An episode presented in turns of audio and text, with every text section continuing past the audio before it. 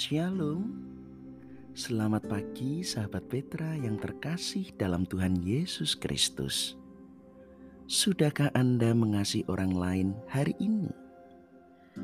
Dengan hati yang penuh syukur, Tuhan telah membangunkan kita dan bersama kita menikmati hadirat Tuhan melalui Embun Pagi edisi 15 September 2021 bersama Radio Petra 105,7 FM yang kali ini dengan saya Pendeta Yosef Kristianugroho dari GKJ Wirobrajan.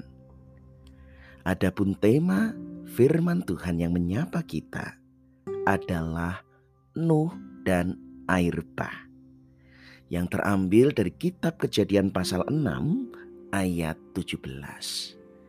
Karena itu sahabat Petra, mari bersama kita menyatukan hati dan merendahkan diri di hadapan Allah untuk menerima kebenaran sabdanya.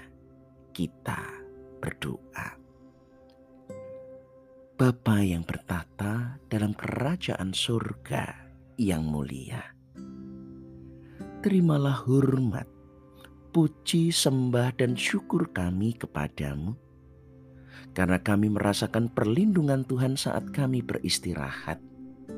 Engkau telah memulihkan badan kami dengan kekuatan yang baru, dan kini kami telah terbangun, membuka mata. Juga Engkau telah sediakan hari yang cerah, hari yang penuh kesegaran untuk kami terima dan kami lewati.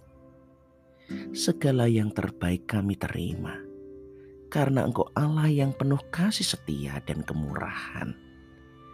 Karena itu Bapa, kami tidak ingin melewati hari ini dan menggunakan tubuh kami jika kami tidak berjalan dengan Tuhan dan hidup seturut dengan rancanganmu. Karena itulah yang terbaik, bahkan yang berkenan di hadapan Tuhan.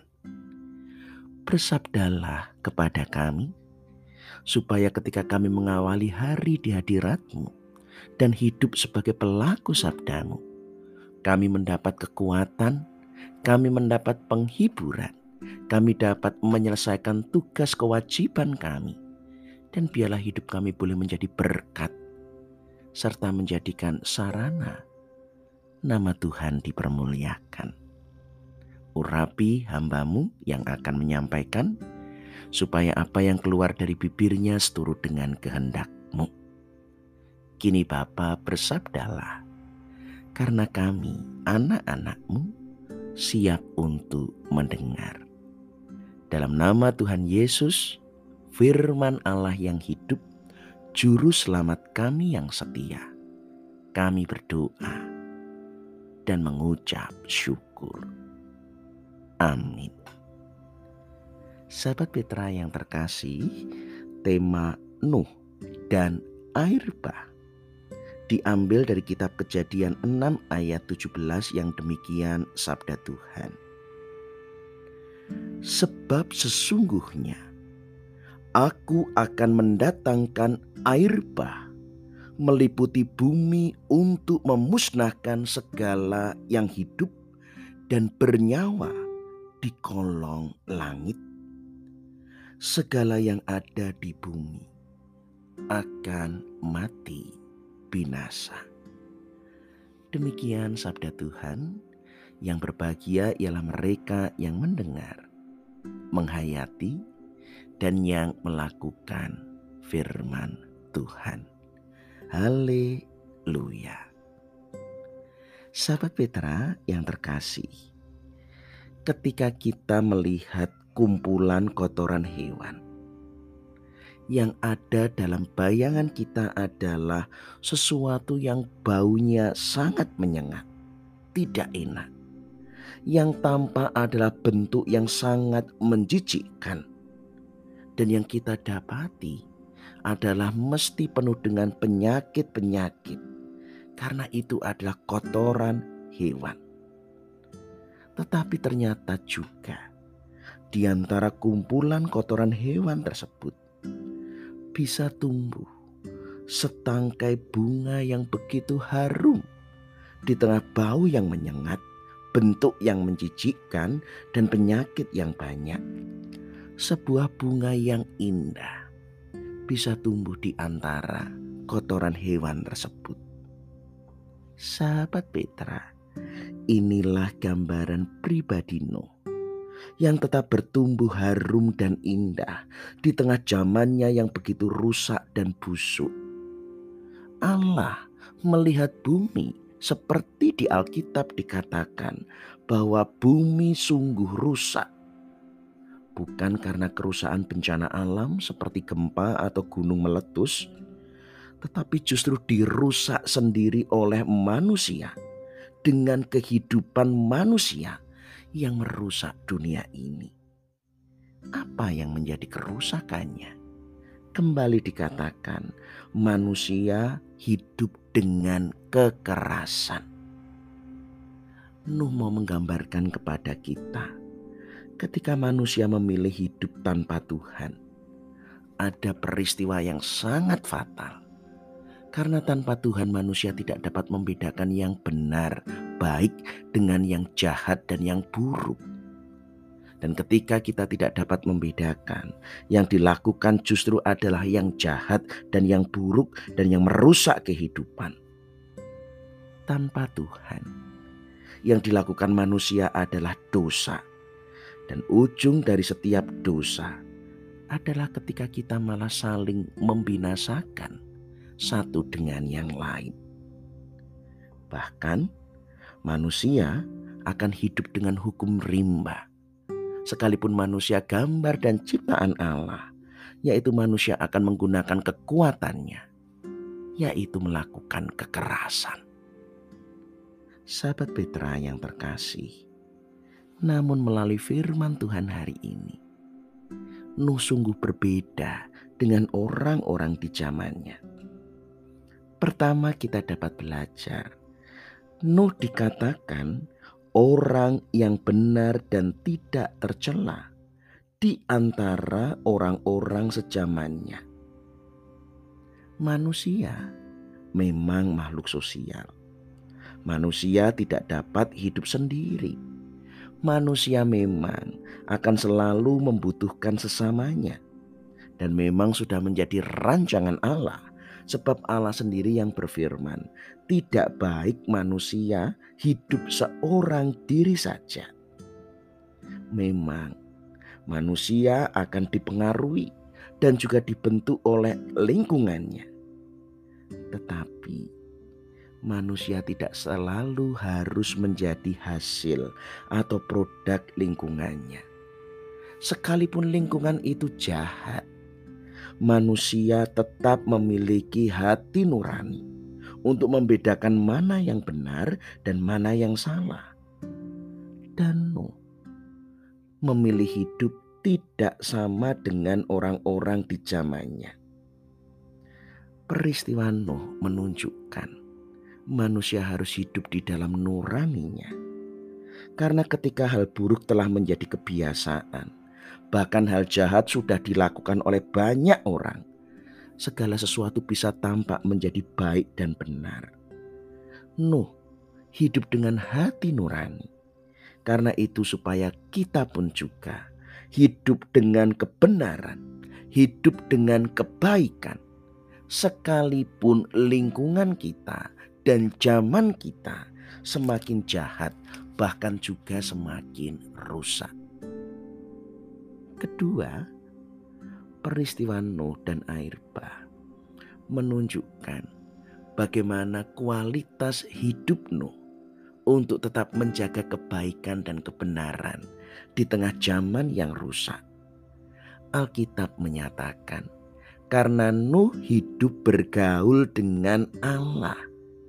Bergaul dengan Allah bukan sekedar beragama atau melakukan ritual-ritual tetapi bergaul ini menunjukkan Nuh memiliki hubungan yang akrab, hubungan yang hangat dan dekat dengan Allah. Bentuk hidup yang dekat dengan Allah bukan ritual, melainkan Nuh bersedia untuk mendengar Allah. Nuh mau mengerti apa yang menjadi kehendak Allah. bukan hanya mengejar keinginan-keinginan sendiri, bukan hanya asal mendengar. Ketika Nuh mau mendengar dan mau mengerti kehendak Allah, maka Nuh juga percaya bahwa segala yang dikatakan Tuhan itu benar, bahkan sekalipun sulit diterima dan sulit untuk dimengerti.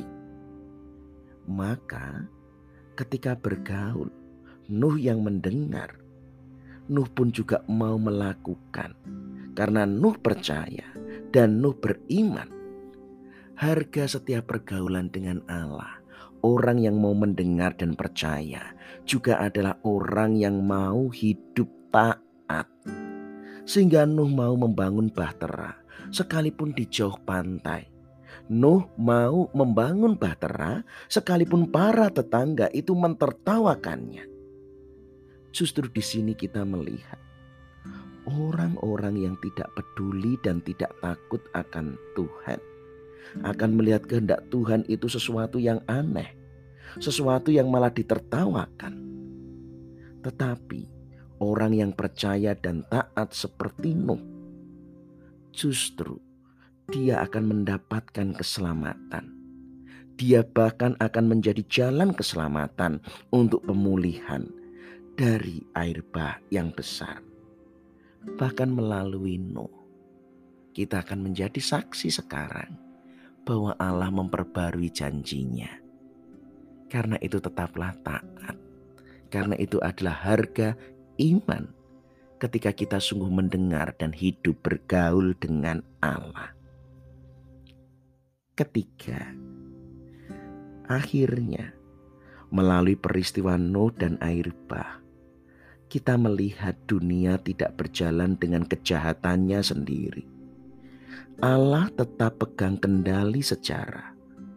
Sebab Allah yang benar, Allah yang berkuasa, dan juga Allah yang adil, maka Allah tetap berhak untuk menghakimi dunia ini.